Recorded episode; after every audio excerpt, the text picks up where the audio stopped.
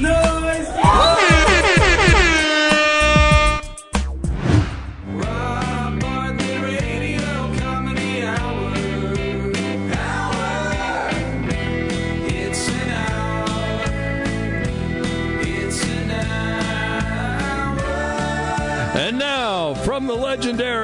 77 WABC radio studios in the center of the universe, New York City, it's the Rob Bartlett Radio Comedy Hour starring Rob Bartlett with the Robbio Radio Players. And now, here's your host, Rob Bartlett. Hey! Hey, everybody, welcome to the Rob Bartlett Radio Comedy Hour. I am Rob Bartlett, and this is my Radio Comedy Hour. Uh, back again, uh, another Saturday night here in New York City. How's, uh, how's everybody doing? Oh, great. Well, uh, give me some details. What did you do this past week? Anything exciting? And Mandy, I, I could just see from the look in Mandy's face, you have a story. I just don't want to be a hog. I always no, talk no, no. at this you, part. you, you, you, but your stories always have very valid points. So so I was in Florida during Uh-huh. the hurricane, but I was not on the side of the hurricane. However, I was in Fort Lauderdale and there was a warning for red tide, and I was on the beach. I didn't know what that was. Mm-hmm. I didn't see anybody else in the water, but I was like, oh, it must be fine. So I went swimming in the red tide this this week. And, yeah. And for those in our radio listening audience who aren't familiar with what a red tide is, what would you say? it's toxic. Um, so that's what they. yeah, and but I would have felt the effects within an hour, I guess, if it were to have affected me, and it did not. But Um, you know what's going to wind up happening now? I'm going to turn into a mutant. no, no, yeah, you're going to get like superpowers. I hope so. That was my plan. You're going to be like Mermaid Woman or something. You're going to have, you'll probably be better than Aquaman because all he does is, you know, swim fast and talk to fish. So I, I'd love that. you'd, you'd be a great Mermaid Woman. I think You'd- so. Little M on your chest and Yeah. little fins on your ankles. And Mm-hmm. this. Whitney, how about you? Anything uh, exciting with you or? I don't know if it's exciting. I just was deciding if I should go and see the new Halloween movie because it's the only thing that I'm actually freaking scared of in real life. Michael Myers. Seriously? Seriously, seriously. The only thing? The only. Well, I like to say it's my second most legitimate fear. Michael Myers. and what is your first? It's personal about my mom. Oh, okay. It's You a know- little too heavy for the. Can I tell you something? I, I think I actually have that same thing. Really? I, I'm afraid of your mom too. you should be. Uh, Steve, you uh, you have uh, quite a little story to share. Uh, Uh, well, I, I, I guess I do. what, uh, what? How did you spend your week? Uh, I, I got dental work done in Costa Rica. You went to Costa Rica for dental work. You know, it's actually much more popular than I ever thought to have medical procedures done down there, and and with I mean incredible doctors, um, and and not not only that, but I know it's it's ridiculous, but the place that I stayed, um, they take they they have twenty four seven post op care for people who have uh, surgical procedures. They have nurses on staff, three meals a day, beautiful view. So it's a hotel hospital, It's basically. it was it was the best. And, and, It- and you didn't wake up in a bathtub filled with ice with a kidney missing. That's the thing that I find the Wow. most remarkable. It, I got paid for that. I got 20 grand for a kidney. Medical Costa Rica, everybody. Go was for it. say, uh, all I, uh, my my friend went to Costa Rica to get medical procedure, and all I got was this lousy T-shirt. God Almighty! Did you hear that uh, Will Smith is going to be the genie in the Disney live action? Aladdin? Oh, Will Smith, ladies and gentlemen. But I, and apparently, he just recently he almost got killed by bungee jumping off a helicopter. he, got, he almost got killed? That's what I heard. Right? Is that is that true? I watched it. I thought I You didn't, did? didn't look that. I mean, he looked like he was having a blast. Now you you're bungee jumping first of all. Okay, Yeah. you're, you're putting your life in the hands of the guy who tied the knot, right? Right. But off a helicopter. Into the Grand Canyon. Now you know if you know anything about physics, he's going to be going down, and then the pull on that. You rock a helicopter slightly to one side. I'm sure he's wealthy enough to pay a good pilot. I'm not, which is why I'm not going to be bungee jumping anytime soon. Needless to say, off a helicopter, no less. Let's introduce the Robbio Radio Players, a ragtag group of of wackadoos. My co-writer, formerly head writer of Saturday Night Live, television screenplays, and writer of books, Mr. Andrew Smith. Yay. Hooray. A musical theater actress and a woman among whose myriad characters include a bubble-headed ingenue, a bubble-headed nurse in a rest home, a bubble-headed Ozark woman, and a Brooklyn hitter chick who works on the Death Star. there's there's your little left turn, Miss Mandy Lee Thompson. Yay. Actor, singer, composer, music producer, recording engineer, who uh, obtained his Boy Scout Dental Merit Badge in one day in Costa Rica, Mr. Steve Mecca. New York theater actress, writer, producer, filmmaker, and just a generally delightful human being who is afraid of Michael Myers and my mother for some reason. I don't know why. The beautiful and talented Ms. Whitney Johnson. And of course, the CEO of the Robbio Radio Players, actor, singer, writer, voice over artist, the wickedly funny Ms. Megan Zamard.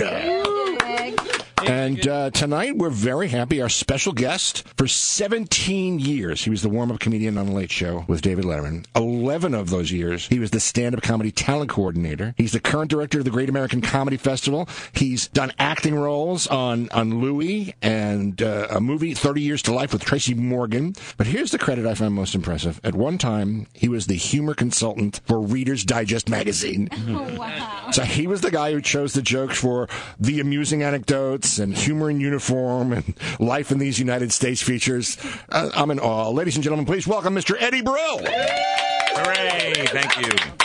It's great for you to join us. Oh, it's a pleasure. Well, Reader's Digest, you know, I, I just fell into that whole situation. They did a, um, a joke contest, and they asked, asked me to be the judge, and Jeff Ross was going to be the host. Uh-huh. And Jeff broke his hip. He was like a 30 year old guy who lived like a 70 year old guy I for some mean to reason. laugh, but- I laughed, and, and I got the job as the host, and then I started working with them and they were at, and they showed me their humor magazine and they actually pretty good. I was surprised. It's Really? the reader's digest is pretty much you know pharmaceutical ads and uh Right. you know stories that are you know tug your heartstrings. But once a year they do a comedy magazine and uh and it's pretty pretty funny. And but what they had me do was work with st jude's and and book shows. And we booked some of the best comics in the world to raise money for st jude so that was mostly or i'd write articles or up and coming comic stuff and so that's what i pr- pretty much did there That's really cool. yeah it was great You never know. right Now- i didn't now, warm-up comedian. yes Now, people out there may not exactly know who, what a warm-up comedian does.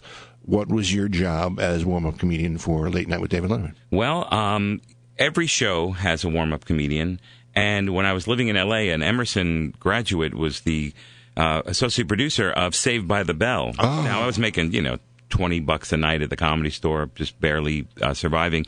And he offered me a job, a thousand bucks a week to warm up Saved by the Bell.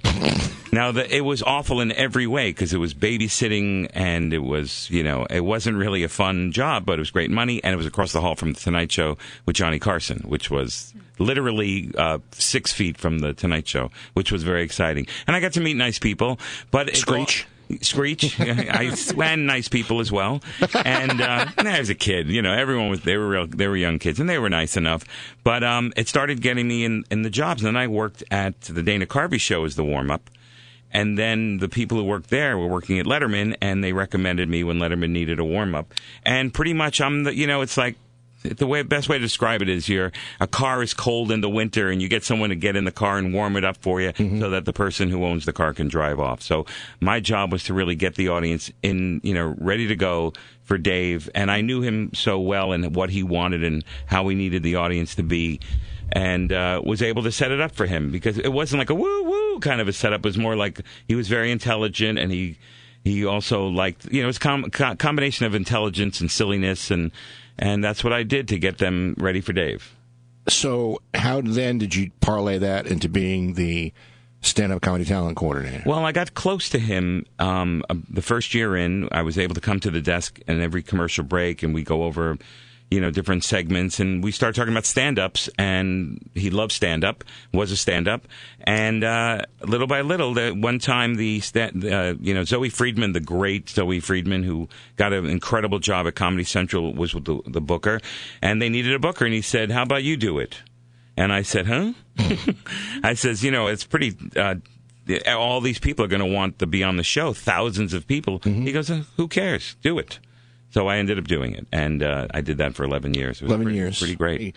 I did the David Letterman show the first year when he was on On NBC, right. Uh, that summer, the first summer, and uh, did not have the greatest experience Really? on my first network. Yeah, it Did was. you do a set? Or I did a set. I actually did a set. But what happened was somebody had canceled. I, they, I got the call on a Monday, you know, from Bob Morton, you know, want to have you come down and, you know, and we'll work on the six minutes and yada, yada, yada. Because you're supposed to, I don't know, how many weeks you're supposed to work on your sets before you. Yeah. you Uh, know- sometimes I I was once on the show, and they said, Eddie, the guest is not making it. Can you go on?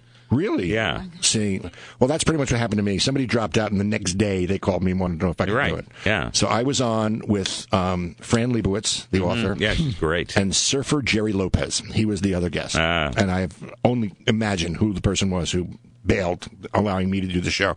I, I didn't, you know, early on in my career, I was going to be getting married the next month. I had, I didn't have a suit. Hmm. So I, I got the tuxedo that I was going to rent for my wedding. Ah. And I wore that and hoping that I can parlay it into a free tuxedo when it came time for the wedding, which, which never happened. Ah. Um, and I wore sneakers because I thought that was really hip, you know, a tuxedo and sneakers. And because they hadn't really seen my act, um, I had to do my act in the hallway for the network censor. Oh. And he took out, I don't know, two, three minutes of my act that wasn't television friendly or, or the, their standards and practices wouldn't allow it. I think there was, there was a, a uh, I used to do a bit called uh, Dogs at a Cocktail Party, and uh, one of the them was a, a cat on Quaaludes at a cocktail party. Uh, no, no, I can't do that. Can't do that. Can't do that. So they took about two, three minutes out of my act. So Wow. I go on, I do it, and you know, in those days, he, your first shot, you would never get panel. You do your set, he'd say your name again, they go to commercial, end of show. Well, I was short by two and a half minutes. And so they just, the director just starts waving me over to the couch, and I go to walk over to the couch, and the look on Dave's face was like, I'm not ready for this. Uh, I'm who is this? Who is it? He sat down, uh, and I sat down next to him, and he said, "So this comedy thing is gonna be uh, it's gonna be a full time thing for you." Uh, oh my God. I said, "Yeah." So, well, what did you do before you were a comedian? I said, "Well, you know, I was a, I was a janitor, and I ran an elevator." And as the words were coming out of my mouth, I said. You know, I worked in elevators, a lot of ups and downs, and you wanted to just like suck the words back in. Um, and then we went to commercial. He didn't say two words to me during the commercial, and that was it. It was it was really I He, just I, he probably wasn't. It had nothing to do with you. It was the the surprise that the producers didn't warn them that you were going to come over. well since then. I mean, uh, I did the show I- when we were doing How to Succeed. We did the, Mm-hmm, yeah. the number from How to Succeed on the show. I He was there for that. He couldn't be warmer. He couldn't be nicer. he was very warm and, and loved stand-ups and nurtured them. And but you know, if something happened outside of it, it would throw him off. And Right. you know, that's why I believe. And uh, he, I always thought he was better than uh, you know Jay Leno, but we're not going to get into that right now. Um, we uh, we like to consider ourselves a smart show, uh, Eddie. Just so you know, um, one of the things we're most proud of is our being on Saturday nights. Uh, WABC has some really smart weekend programming. A lot of doctors. Dr. Liederman, Dr. Katz, Dr. Calapai, Dr. Greenberg, Dr. Perry, Dr. Hickey, Dr. Howard, Dr. Fine, Dr. Howard. we are delighted to have a new sponsor who will hopefully get his own show here on 77 WABC for his brand new health supplement, Vita Earth. Do you feel tired, run down, and lethargic all the time? Do you suffer from loss of appetite, night blindness, depression, osteoporosis, muscle cramps, coarse hair, brittle nails, heart palpitations, headaches, or dizziness?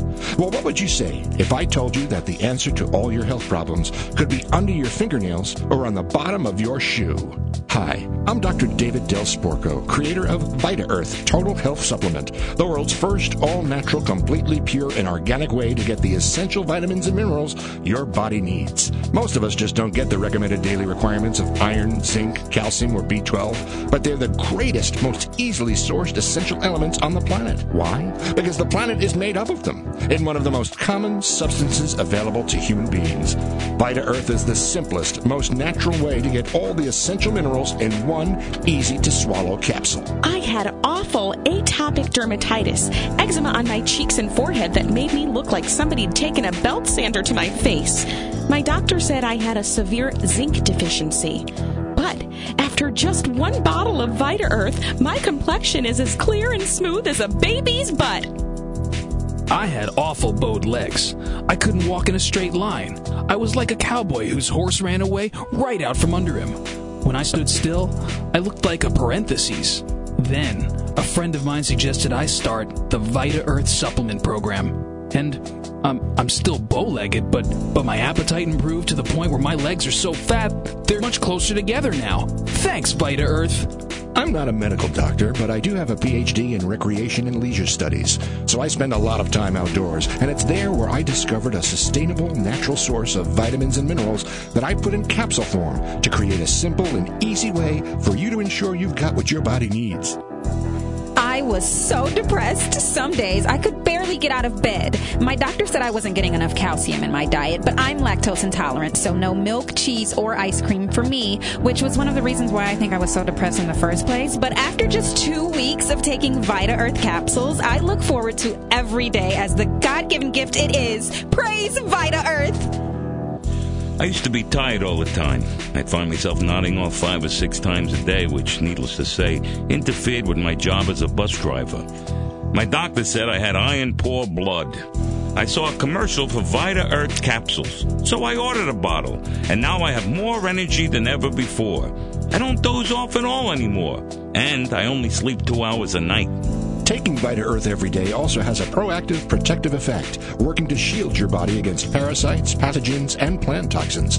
And as the natural source where we get the ingredients for the capsules has an abundance of earthworms, you also get the added benefit of trace amounts of protein. The key to good health is right under your feet. Everything we eat basically comes out of the ground or walks or flies or swims on top of it. So why not just cut out the middleman and go right to the source? The earth is over 4 billion years old. It must be doing something right. What is this remarkable, life giving new substance? Dirt! That's right. Call today and order a 30 day supply of Vita Earth. I'm so convinced you'll be satisfied with the positive effects it will have to your health, I'm offering a money back guarantee. Take it for a month, and if you're not 100% happy with the results, just send back the empty bottle and I'll refund your money, except for a small processing and restocking fee because Vita Earth is manufactured right here in the United States and not some third world country where I can pay the workers 10 cents an hour. And so, you know, I, I have to provide benefits, you know, to the employees, health care, pension, maternity leave. It adds up. But if you order now, I'll also send you a free bottle of Vita Sand, the easiest, most organic way to get the fiber your body needs.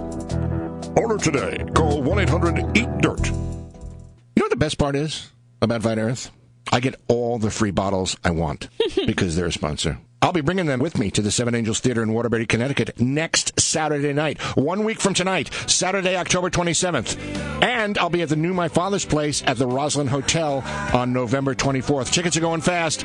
We'll be back with more of the Rob Bartlett Radio Comedy Hour with our special guest, Mr. Eddie Brill, and a very special appearance by Sir Paul McCartney. That's right.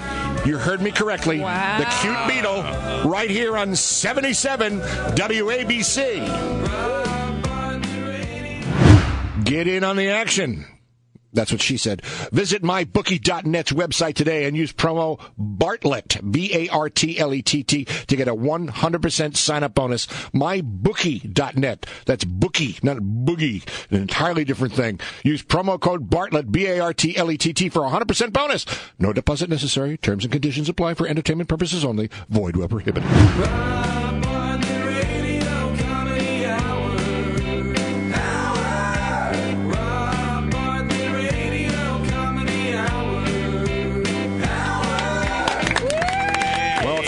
To the Rob Bartlett Radio Comedy Hour. I am Rob Bartlett, and this is my Radio Comedy Hour. It's an hour. It's just an hour. I just want to remind you, I'm back on the road with my stand-up act. I'm at the Seven Angels Theater in Waterbury, Connecticut this coming Saturday night. Go to sevenangelstheater.org for tickets. Don't forget to spell theater with the R-E instead of the E-R at the end because it's a classy joint. We're here with our special guest, Mr. Eddie Brill. And uh, later this episode, uh, I mean, I, I don't know what to say. I, I'm just thrilled beyond belief to have my personal idol. I don't know how he did this. Hopeless Beatlemaniac that I am, Sir Paul McCartney will be with us. So don't go away because this is a very, very special episode indeed. Now, um, we've been very lucky to have a woman who has the gift of identifying information hidden from the normal senses. Uh, a telepathic clairvoyant who makes observations and predictions that are inexplicable. Inexplicable. you can't explain them by natural law. or say them. They're not explicable. That's pro- definitely not explicable. But she is truly uncanny in her insights. And um, apparently she's branching out into a new area of psychic interpretation. So if you would please welcome to the Rob Bartlett Radio Comedy Hour, the one and only mysterious, all seeing Miss Winnie. yeah. Wagwan, wagwan.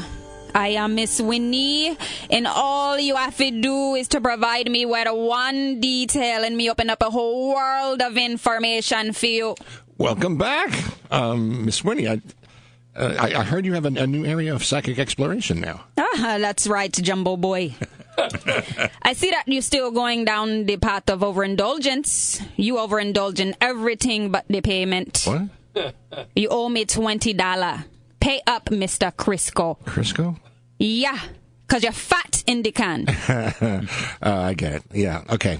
All right. Well, only because you agreed to come to the show again. Here. Now, what have you got for us today? At present, Miss Winnie into a whole new area of psychic exploration. Miss Winnie now certified pet psychic. Just give me one detail and I open up a whole world of information for you about your pet. Give me a bone, a chew toy, a collar. I feel the vibration and tell you just what your pet be thinking. I know everything there is to know about the animals. Well, that's that's incredible. I, you know, our own Mandy, uh, Mandy Lee Pantyhose Thompson, she has a dog. Um, Mandy, would you like to get uh, Hufflepuff a psychic reading by Miss Winnie? Hufflepuff. Hufflepuff. He's named after one of the houses from the Harry Potter books. You be naming the dog after a house. Yes. I will never understand the white people. okay, well, so long as he housebroken. Well, what you want to know about Husky Pup? Hufflepuff. That's what I said. Well, when I'm not home, he always chews my furniture. Okay, one thing. One thing is all I need. One thing from Hufflepuff, and I will tell all. Hufflepuff. Well, here's his favorite chew toy. That not the thing Miss Winnie looking for. In the case of pet with no bank account, Miss Winnie need a $20 bill from owner. Only $20 will open up Ruffleflux's entire world. Hufflepuff. Okay, here's $20. Miss Winnie getting the message now. Oh, oh, tell me, is he happy? And why does he chew my furniture? Ruffy Husk very upset about the veterinarian. The vet? But that was ages ago. Hufflepuff hasn't seen the vet since. Humble Poof have long memory when it come to something he love. but I thought he loved the vet. He loved the balls more. he not like being fixed, neuter, a no-no in dog world. Oh dear. Will he ever forgive me? Miss Winnie can't make that determination without Mr. Green. Mr. Green? I don't. You you mean you need more money? It's not the money. It's the pathway to the animal world. Miss Winnie, I think you're making this up. One thing, give me one thing, and I tell you everything you want to know about what the dog be thinking. One thing? Or twenty things. You mean $20. Thank you. Twenty is good. Miss Winnie getting the message loud and clear now from Hockey Puck. Hufflepuff! What? What is it? What is my dog thinking? What does he want? He want to go out. He say bring a plastic glove. What? He wants to go out? The nature calls very important. That the secret message Miss Winnie getting now. I just gave you $40 and all you could tell me was that my dog Hufflepuff needs to be walked? Miss Winnie not making it up. Miss Winnie, the pet psychic. But me thinking you better make it snappy getting back to your apartment. Me seeing big mess in your future. Oh, I'm not worried. He's house trained. Yeah, but while you're gone, he be eating that leftover Taco Bell you be leaving on the kitchen counter. No, I'm sure I put it back in the refri. Oh no. Um, Rob, I gotta go back to Waterbury. Wait, And and you should have closed the bathroom door. Him drinking at the toilet and he don't have that stronger bladder. Uh, um, uh, Miss Winnie, everybody. Um, she'll be back with us again uh, next week. Uh, not unless you be changing the not paying your guest policy. This not Miss Winnie hobby. This her livelihood. Uh, I, I know that. I, that and she selling the Amway. You need laundry detergent, dish cleaner. no, no, I'm I'm good. How about appetite suppressant? You could do to lose about 180 pound gigantor. One more time for Miss Winnie. I, I don't know why. Uh, I actually pay for these people to come in and call me fat. I don't, I don't know. I have to really. I'm going to have to go to another psychic to figure out what the hell my problem is. But um, uh, one of the signature pieces we have here on the Radio Comedy Hour is the recurring serial segment. We started at the very beginning with a couple of reality murder mystery stories, kind of a Dateline parody called Death Can Kill. One was a murder in a New Jersey town that involved dental hygiene and pancakes, and the other was a serial murder at an Elvis impersonator convention in Vegas. This week, we start another continuing series of Death Can Kill episodes set in the colorful world of the circus. So here is the first installment of Death Can Kill, the deadliest show on earth. The Bilbo Brothers Circus was a mid-sized tent show that traveled the Midwest in the summers and wintered in Gibsonton, Florida during the off-season. It was a close-knit group of dedicated carnies, most of whom had grown up in the circus community, dated within the group, married and raised families while on the road with the show. Carney people are suspicious of outsiders, just as outsiders are mistrustful and deeply disparaging of all carnies. So when Wiggles the Clown was found drowned in his own seltzer, this tight-knit circus family was rocked to the core. They all seemed to wonder, who would want to murder Wiggles? Among those shocked and confused by the tragedy was Joni Zamboni, one of the Flying Zambonis Trapeze Act. Who would want to murder Wiggles? Wiggles took his adversity and turned it into something good. He made people laugh with him instead of at him. At least that's what he thought. Poor guy was prone to seizures. That's where he got the name. But he got his biggest laughs whenever he'd have one. One of the other clowns would run over with a wooden spoon and stick it in his mouth. People thought it was a part of the act. It killed. And then someone killed him. Wiggles' lifeless, red-nosed, floppy-shoed body was found by Dmitry Misnetsky, the human cannonball. Dmitry Misnetsky. Dmitry Misnetsky, the human cannonball. Hello? Oh, oh, did you say something? I'm, I'm sorry. I, I, I forgot your hard of hearing. You'll have to speak up. I am a little hard of hearing. I, I, I know. I, I just said that.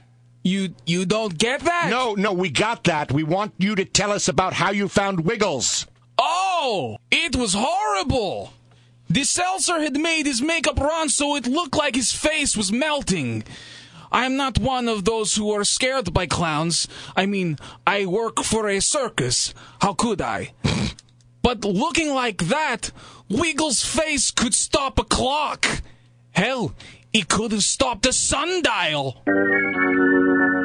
Misnetsky immediately called the police after he determined that Wiggles wasn't just doing another one of his bits.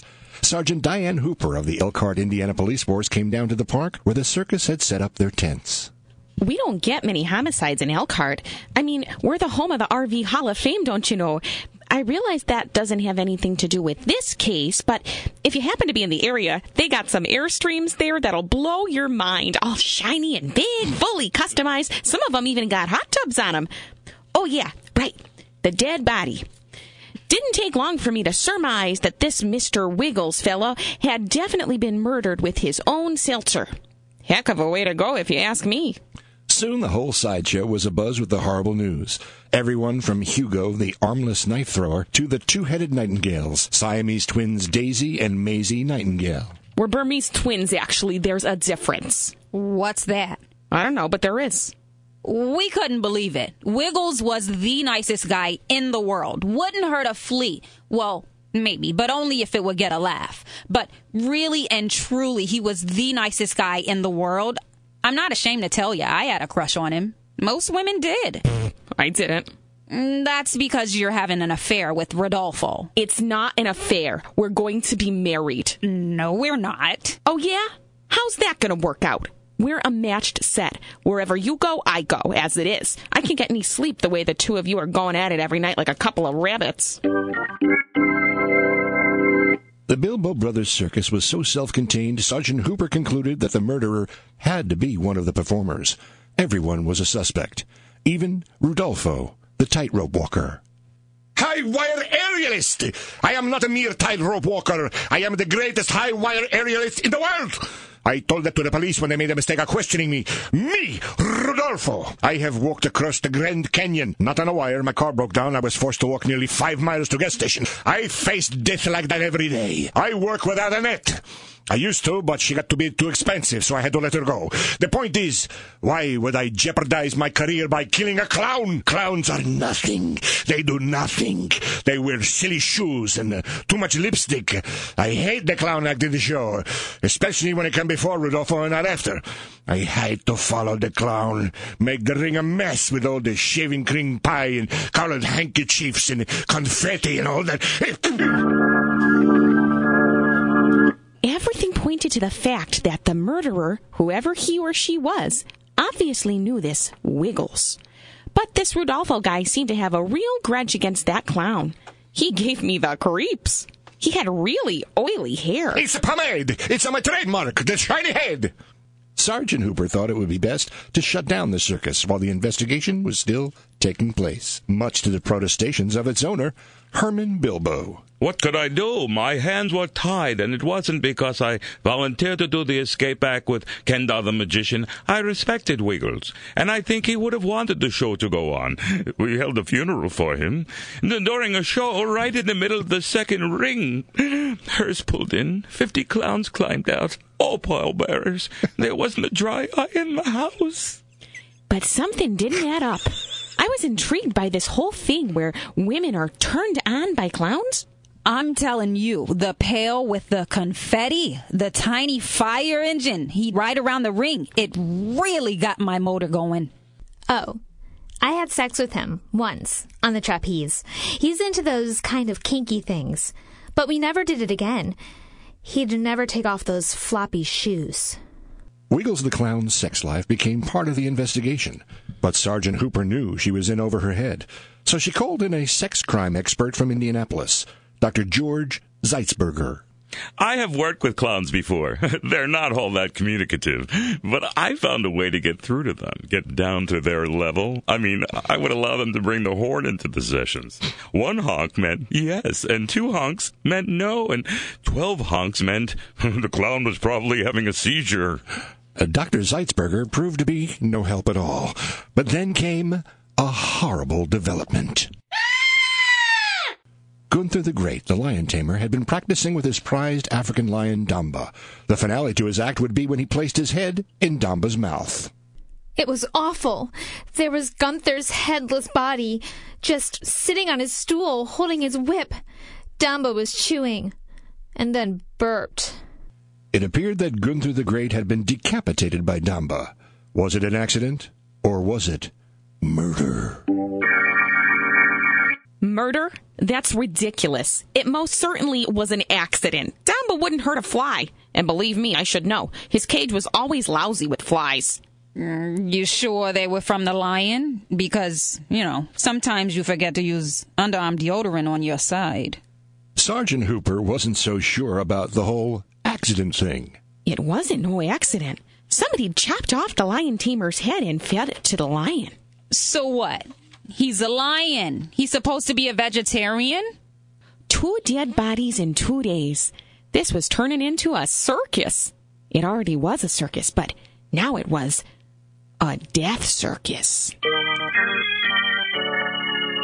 Next time on Death Can Kill. In the middle of a performance, Tony Zamboni, one of the Flying Zamboni's trapeze act, plummeted to the tent floor. His trapeze bar had been greased. I had sent it back to the lab for testing because it smelled remarkably like the hair oil that that Rodolfo the tightrope walker used for his trademark look. It's not hair oil, it's a pomade, and I am an aerialist. On the next Death Can Kill, the deadliest show on Earth. Wow. So much intrigue. You know, you know, I'm, I'm really glad it's taking place in a small mom and pop circus and not one of those big spectacle things where it's mostly Vegas showgirls prancing around. I mean, I, I want elephants and acrobats and tightrope walkers. Aerialist!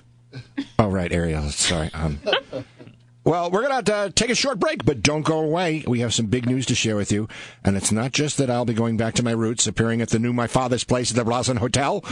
That's right. The iconic Long Island Club is back, and the legendary Eppy Epstein is as well. It's a Thanksgiving weekend show, November 24th. It'll be the only chance for you to see the perennial holiday classic, Salmonella's Night Before Christmas in Brooklyn. So come down to My Father's Place Thanksgiving weekend and celebrate the holidays with some big time Robbie O. Yucks. And uh, our good friend uh, Eddie Brill is going to be at Zanies in Chicago uh, on October 21st through the 28th with your son, Dan. Yeah. A father son show? Yeah, he, he's been doing stand up now for 11 years, and he's pretty darn good at it. Uh, actor, doing just did a Tarantino film, and uh, we're doing stand up together again in Chicago. That's amazing. That- that- that's just so cool. Yeah. Yeah, my, my kids are all doing much, much better with their lives than me, so they would never do it.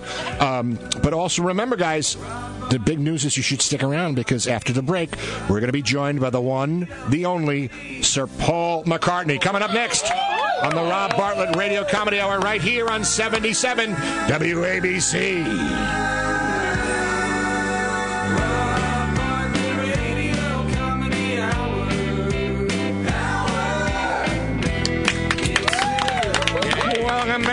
Rob Bartlett Radio Comedy Hour. I am Rob Bartlett, and this is my Radio Comedy Hour here with Whitney and Mandy and Megan and Steve and Andrew and our special guest, Eddie Brill.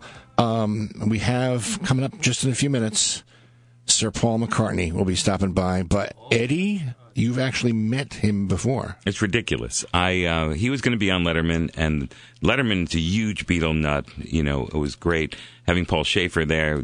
Would always think of, you know, ask the band to play great Beatles songs, and Will Lee, you know, with his Fab Four, and um, so the day before Letterman's like, "What should I ask?" Paul, you know, do you have any ideas? And I said, the week before Michael Jackson had passed, and my first thought was, what's going to happen to the Beatle music that Michael Jackson has? He goes, oh, great, okay.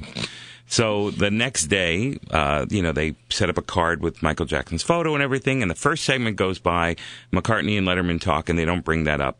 So um, Letterman gets up to go talk to the executive producers. and I'm at the desk. It's me and McCartney, and I'm like, eh. so I give him a head nod. He gives me a head nod back. So I walk over, and I just say, you know, I was wondering about the when the Michael Jackson stuff. He goes, oh yeah, the Michael. I'm not going to. I was going to try, but I'm not. He says, uh, I was wondering too, and I looked it up, and I think we get it eventually, and it was just great to just talking to him, and we had like three or four minutes of chat, and uh, then I walked back, and then the next segment, so Letterman goes, so how about the Michael Jackson stuff? And he was ready for it because him and I talked about it. So now it was one of the greatest conversations, and it was talked about in magazines and newspapers all over the world. How that whole Michael Jackson section was, it was all really important. So now I'm freaking out, and then you know I was freaking out. Now I'm double freak. So now we go to the marquee because McCartney's going to be on the marquee, and I'm up on the marquee with McCartney and hanging out over there. He's, So- play, he's playing on top of the marquee. I mean, it's theater. uh, and then so he plays a couple of songs, and I know that he's going to do another whole section. It's like a million people on the street. So I walk downstairs and I watch this extra section that they do from downstairs, and it's just ama- I can't believe that I met this Beatle, talked to him, set the segment up, all that, and then I get in a cab to go home, uh, and I shook like a leaf because I realized, oh my God, I just had th- a thing with McCartney. While it was happening, I was like, yeah, so anyway, McCartney, you know, and uh, but after it was like, ah, help. And uh, it, it was one of the greatest days in my life. Yeah, amazing. I'm so so jealous. If I if I ever Uh, it happened to me, and I'm jealous. You know, that's how good it was. It was I, you're jealous of yourself. yes. Yeah. Damn him, Yeah. me. I would tug a nugget. Um, well, I mean, oh, I I wonder who could that be at the door. Yeah. Hello, how are you? It's me, Paul. Oh, yeah. Yeah, I'm the cute one, Paul McCartney. That's right, you know, Beatles and all that. I'm married to an American now, you know, from New Jersey, if you can believe it. But at least this one's got a leg to stand on. well, we live in Long Island's East End, Amagansett, and it's a very artsy community and made me want to explore my horizons as an artist. So I've opened a state-of-the-art theatre where you can see me live this summer, acting in some plays and stuff. the Paul McCartney Dinner Theater, where you can see classics of the stage and dine on a five course gourmet vegan dinner. This week, Paul McCartney is Alexander Hamilton in Hamilton. I'm gonna get a scholarship to King's College. I probably shouldn't brag, but dag, I amaze and astonish. Problem is, I got a lot of brains, but no polish. I gotta holler just to be heard with every word I drop knowledge. I'm just like my country. I'm young, scrappy, and hungry, and I am not throwing away my shot. With TV's Perry Mason and star of Ironsides, Raymond Burr as Aaron Burr. Alexander, Aaron Burr, sir. Can we agree that duels are dumb and immature? Sure, but your man has to answer for his words, Burr. With his life? We both know that's absurd, sir. Hang on, how many men died because Lee was inexperienced and ruinous? Okay, so we're doing this. What does a bastard, orphan, son of a whore, have in common with a downtrodden poor boy who wanted more from the shores of old Liverpool? He was nobody's fool, too cool for school. He wound up breaking all the rules. Never second. A living legend. Hit after hit he did. Again and again and a. Not a faker. A money maker. A mover and a shaker and a certified record breaker. After the Beatles, he soared like an eagle. With his band wings, he proved he'd never ever be dull. Songs for the people. Some dismissed as treacle, but their attempt at criticism's nothing more than feeble. Hey Jude, let it be. Here, there, and everywhere. Band on the run, my love. I saw her standing there. Long and winding road yesterday. So debonair. What is the name of this prolific music billionaire? Not Alexander Hamilton. Hamilton never did more than McCartney's done. Yeah, how many songs has he written? How does he rate a musical? None, that's how many. Alexander Hamilton. So where's the Paul musical? Alexander Hamilton. There's one about the Four Seasons, Carol King, Don Never Summer. did more than McCartney's done. There's even one with Go-Go's music. How does he rate a musical? And Huey Lewis. Huey Lewis. Alexander Hamilton. It's not fair. I deserve a musical. Alexander Hamilton. I mean, I'm a bloody knight. Never did more than McCartney's done. Let's serve McCartney to you. How does he rate a musical? And I own the publishing rights to every song ever recorded. Alexander Hamilton. Happy birthday, mine. Figures a jolly good fellow, Alexander mine. You know, Sergeant Pepper was my idea. It Never wasn't did more than McCartney's done. And I was the walrus. John said so. How does he rate a I didn't break up the Beatles. Alexander Hamilton. It was Yoko. Alexander Hamilton.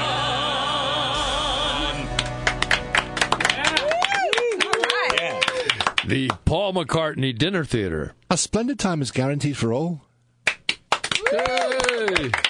Now, I know that music sounds familiar, but for those of you who listen to the Rob Bartlett Radio Comedy Hour, but we paid so much to record it, we're going to get as much use out of it as we can. So be, be on the lookout for, you know, Christopher Walken does Hamilton at some point in the future because, you know, we have limited resources, but we, we still think it, that's, that's worth it. You know, uh, you had me going there. I was actually excited to meet Paul McCartney. Oh, yeah, well, I, I probably should have been more forthcoming and tell you he was just on tape. yeah, tape. Good one, Robbio. Well, um, that about just uh, does Uh, by the way, your Paul is much better than your Yoko. Thanks. Thanks, Whitney. I really appreciate it. Um, I guess that about does it for us this week. I'd like to thank our special guest, Mr. Eddie Brill. fun. I had fun. And you all, of course, for tuning in next week. Uh, I mean, each week, because next week there'll be another show, and then that way we'll be thankful for you tuning in on that one. Remember, if you missed anything, if you missed any part of this program, or would like to hear it again or share it with friends, go to the ogpodcastnetwork.com right now, and you can download it. Download tonight's show. It's waiting there for you to give you amusement. Um, and I think uh, I, there it is. It's it's always the music signifies it's it's the end of another great show. Everybody. Thanks, Eddie Brill. Our program is produced by Gary Grant and me, Rob Bartlett. Written by Andrew Smith and me, Rob Bartlett, featuring Megan Samard, Andrew Smith, Mandy Lee Thompson, Steve Mecca, Whitney Johnson, and me, Rob Bartlett. Special thanks to Sir Paul McCartney. That's my story, and I'm sticking with it. Uh, original music composed by Gary Grant and Steve Mecca. Engineering by Steve Mecca. Directed by Gary Grant. No animals were harmed in the recording of this program. Don't forget, come see me this coming Saturday night at Seven Angels Theater in Waterbury, Connecticut. And then next month, Thanksgiving weekend, at the new My Father's Place at the Roslyn Hotel. I'll see you next week, everybody, for another episode of the Rob Bartlett Radio Comedy Hour right here on 77 WABC.